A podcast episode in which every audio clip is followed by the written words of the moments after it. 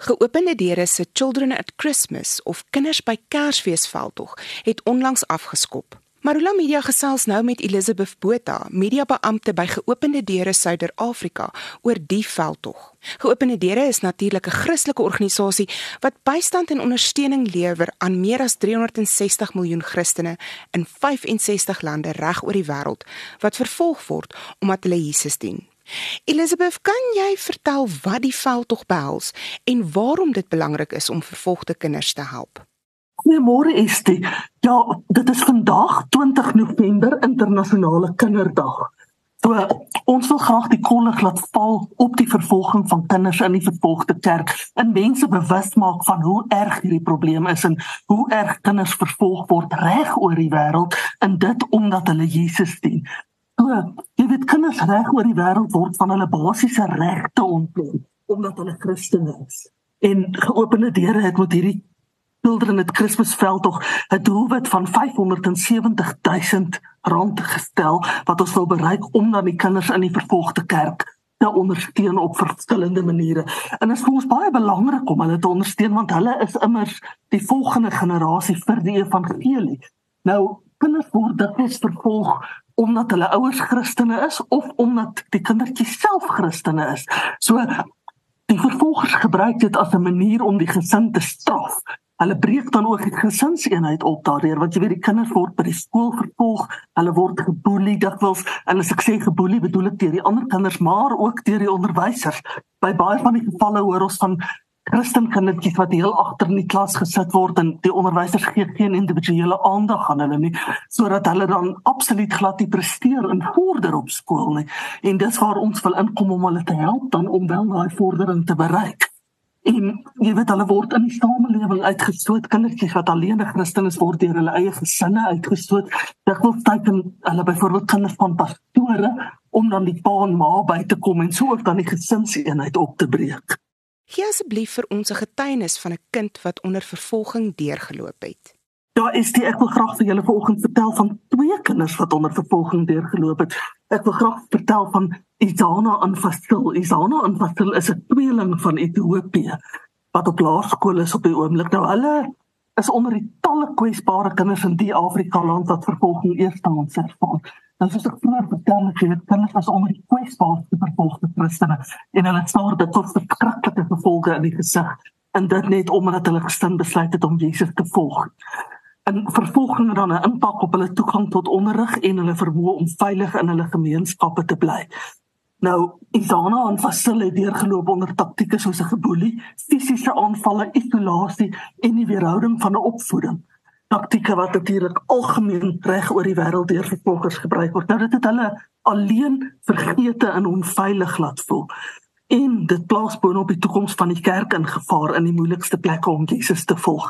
Nou, as mense vir Isana en vir Sil vra, sien hulle uit na Kersfees, dan blink hulle oë van vreugde as die komende Kersseisoen dink wat hulle sê, hulle dink aan die lekker speletjies wat hulle gaan speel. Hulle dink aan die heerlike kos, hulle dink aan die Kersliedere, hulle dink aan die gewoel by hulle huis met mense wat so intoe kom om meer oor Jesus te hoor. Maar as mense hulle vra watter geskenk hulle wil hê, dan sê hulle ondanks hulle opgewondenheid, al wat hulle dus vir Kersfees wil hê, is die geskenk van 'n veilige kinderlewe. En dit is die grootste Kersgeskenk waarvoor hulle vra. Nou, die tweeling bly in 'n suidelike dorp in die suidelike deel van Ethiopië, in die landelike gebied waar evangelistiese Christening meedoenloos geteken word. Die kerk word dikwels met klippe bestook terwyl gelowiges binne-in is en dan besig is om saam te bid, dan bestook die aanvallers dit van buite met klippe. Daar was een gruwelike voorval waar moslim ekstremiste 'n groep Christen vroue geteken het terwyl hulle besig was om te evangeliseer. Hulle is toe gegryp op die grond rondgesleep en om hulle nog verder te verneder, het die ekstremiste op hulle geïreneer. Is dit nie verskriklik nie? Nou pastoor Johannes wat die plaaslike kerk lei, vertel dat Christene uit die ekstremistiese oogpunt so laag is dat hulle so goed soos 'n lijk basies is. Daarom verg dit verskriklik baie moed om Jesus in hierdie omstandighede te volg en dit is nog moeiliker as jou kinders in gevaar gestel word. Nou Isana en Fasil se ouers dien die Here toegewyd en hulle pa is ook 'n pastoor wat betrokke is by die kerk, maar hulle geloof word gedurig deur hierdie voortdurende vervolging beproef. en hulle ouers word met droefheid gevul as hulle hoor hoe hulle seuns weens hulle geloof ly. Hulle pa Ermias vertel dat hulle kinders onder die slimste leerders in die skool was, maar die onderwysers het ongelukkig geweier om hulle die punte te gee wat hulle verdien. Hulle toetspunte is te verlaag. Maar Ermias en sy vrou kon dit bekostig om hulle uit hierdie skool te haal en na 'n ander skool te stuur nie. En sonder 'n opvoeding was daar min hoop vir die tweeling se toekoms en sonder veiligheid was hulle voortdurend in gevaar. Hoe het geopende deure betrokke geraak om die tweeling en ander vervolgde kinders in Ethiopië te help? Jy, is die geopende deure het 'n oorbruggingsprojek in Ethiopië waarmee hulle toe 'n nuwe laerskool op die kerkgronde oopgemaak het. So hierdie laerskool vorm deel van die oorbruggingsprojek. En wat die wonderlike daarvan is, dit skaf nie net 'n veilige plek vir Christenkinders nie, maar dit aanvaar ook kinders van ander gelowe. Nou pastoor Johannes vertel dat mense daarvan hou dat die skool gratis onderrig aan die armes bied. In die gesinne wat voorheen die kerk met klippe bestook het, stuur nou hulle kinders na hulle skool.